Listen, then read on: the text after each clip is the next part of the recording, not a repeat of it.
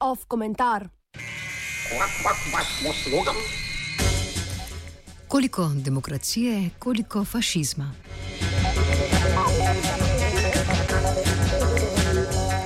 Osmega februarja 1989 se je na Univerzi v Chicagu odvilo predavanje Francisa Fukuyame, na podlagi katerega je predavatelj in takratni namestnik vodje oddelka za načrtovanje politike na ameriškem zunanjem ministrstvu kasneje napisal odmevni esej Konec zgodovine.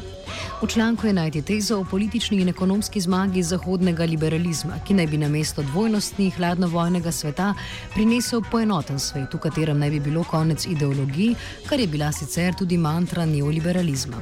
Citiramo: Prizadevanje za priznanje, pripravljenost tvegati lastno življenje za povsem abstraktne cilje, svetovni ideološki boj, ki je zahteval drznost, pogum, domišljijo in idealizem, bodo zamenjali ekonomsko preračunavanje, neskončno reševanje tehničnih problemov, okoljevarstvene skrbi in zadovoljevanje sofisticiranih zahtev potrošnikov. Konec citata. Slabih 20 dni po omenjenem predavanju so v Venezueli zaradi vladnih neoliberalnih politik protestniki odšli na ulice.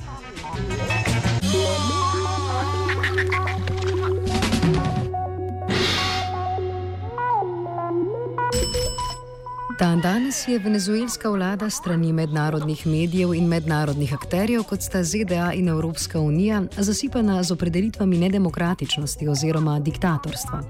Po vladni razglasitvi ustavodajne skupščine se je število tovrstnih obtožb potenciralo, kar je voda na mlin tamkajšnji opoziciji, ki skuša naraščajoče konflikte predstaviti kot boj večine ljudstva proti nedemokratični in nelegitimni vladi. A kot opozarja Richard Seymour, to vrstne obtožbe venezuelske oblasti strani zahodnih medijev niso nič novega. Te je bilo zaslediti tudi pred dvema letoma. New York Times pa je ob državnem udaru in odstavitvi predsednika Huga Chaveza leta 2002 proslavil konec diktature. Ob tem je v skladu s takratno linijo Buševe administracije, ki je bila posredno upletena v državni udar, poročanje dotičnega časnika izpustilo pripoznanje obstoja udara.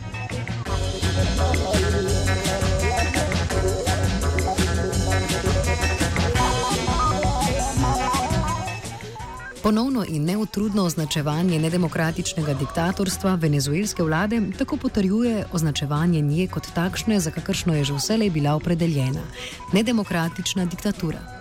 Stališča proameriško-režimskih zahodnih medijev je postala tisto, kar je že vedno bila. A ponovitev geste prinaša razliko, saj to vrstna naperjenost zoper venezuelsko vlado v drugih okoliščinah deluje kot stičišče sicer med seboj nasprotujočih si strani Trumpove administracije in njemu nenaklonjenih medijev.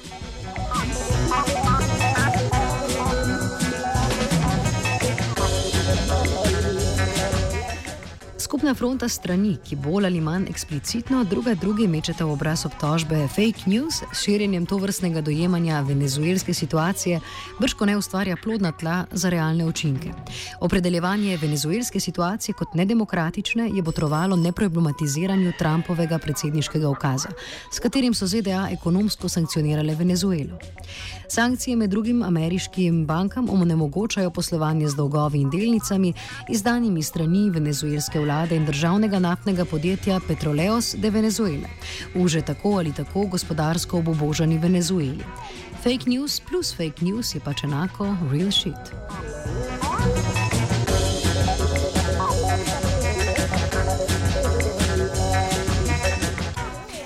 Lepljivost etikete nedemokratičnosti venezuelske vlade kako pak ni obšla Evropske unije, ki je ena izmed glasnejših akterjev v uveljavljanju normativnosti specifičnega pojmovanja demokracije, ki je tiha predpostavka režimskih obtožb diktatorstva venezuelske vlade.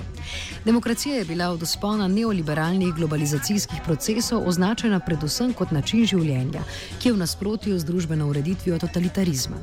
O tem pričajo tudi nedavna obeleževanja in praznovanja spomina na žrtve vseh totalitarnih totalitarnih režimov, ki ga je leta 2009 sprejela resolucija Evropskega parlamenta in ki fašizem, nacizem in komunizem spravlja na skupni imenovalec.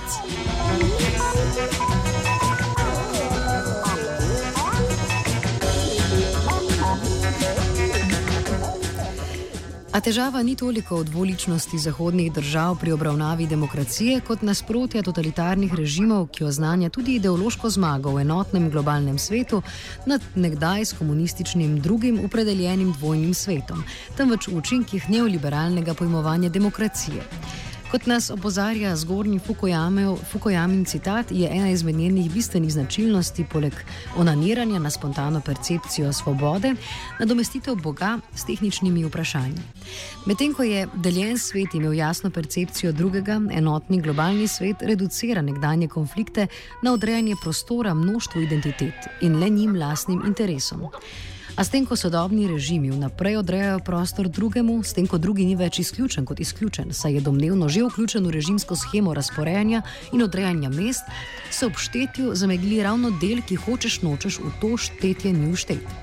Neizogibna neuštetost pa je ravno polje politične subjektivizacije in toliko tudi eden izmed poglavitnih elementov demokracije.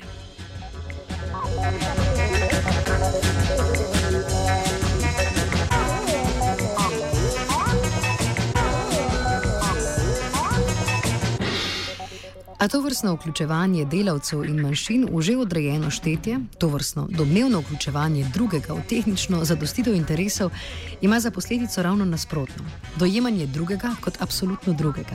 Če je za konstitucijo skupnosti neizogiben element drugega, če se vsaka skupnost vzpostavi skozi definiranje same sebe kot to, kar ni, to vrstno domnevno vključevanje drugega in zameglitev njegove izključenosti omogočita njegovo arbitrarno določitev. Ker je dotičen element nujen in ker smo v globalni svet vključeni vsi, kjer naj noveden ne bi bil odrinjen na obrobju, smo potencialno drugi vsi.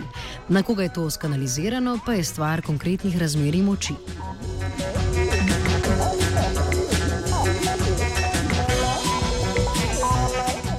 Iz konkretnih praks je o abstraktnih pojmovanjih domnevne demokracije komentiral Tit.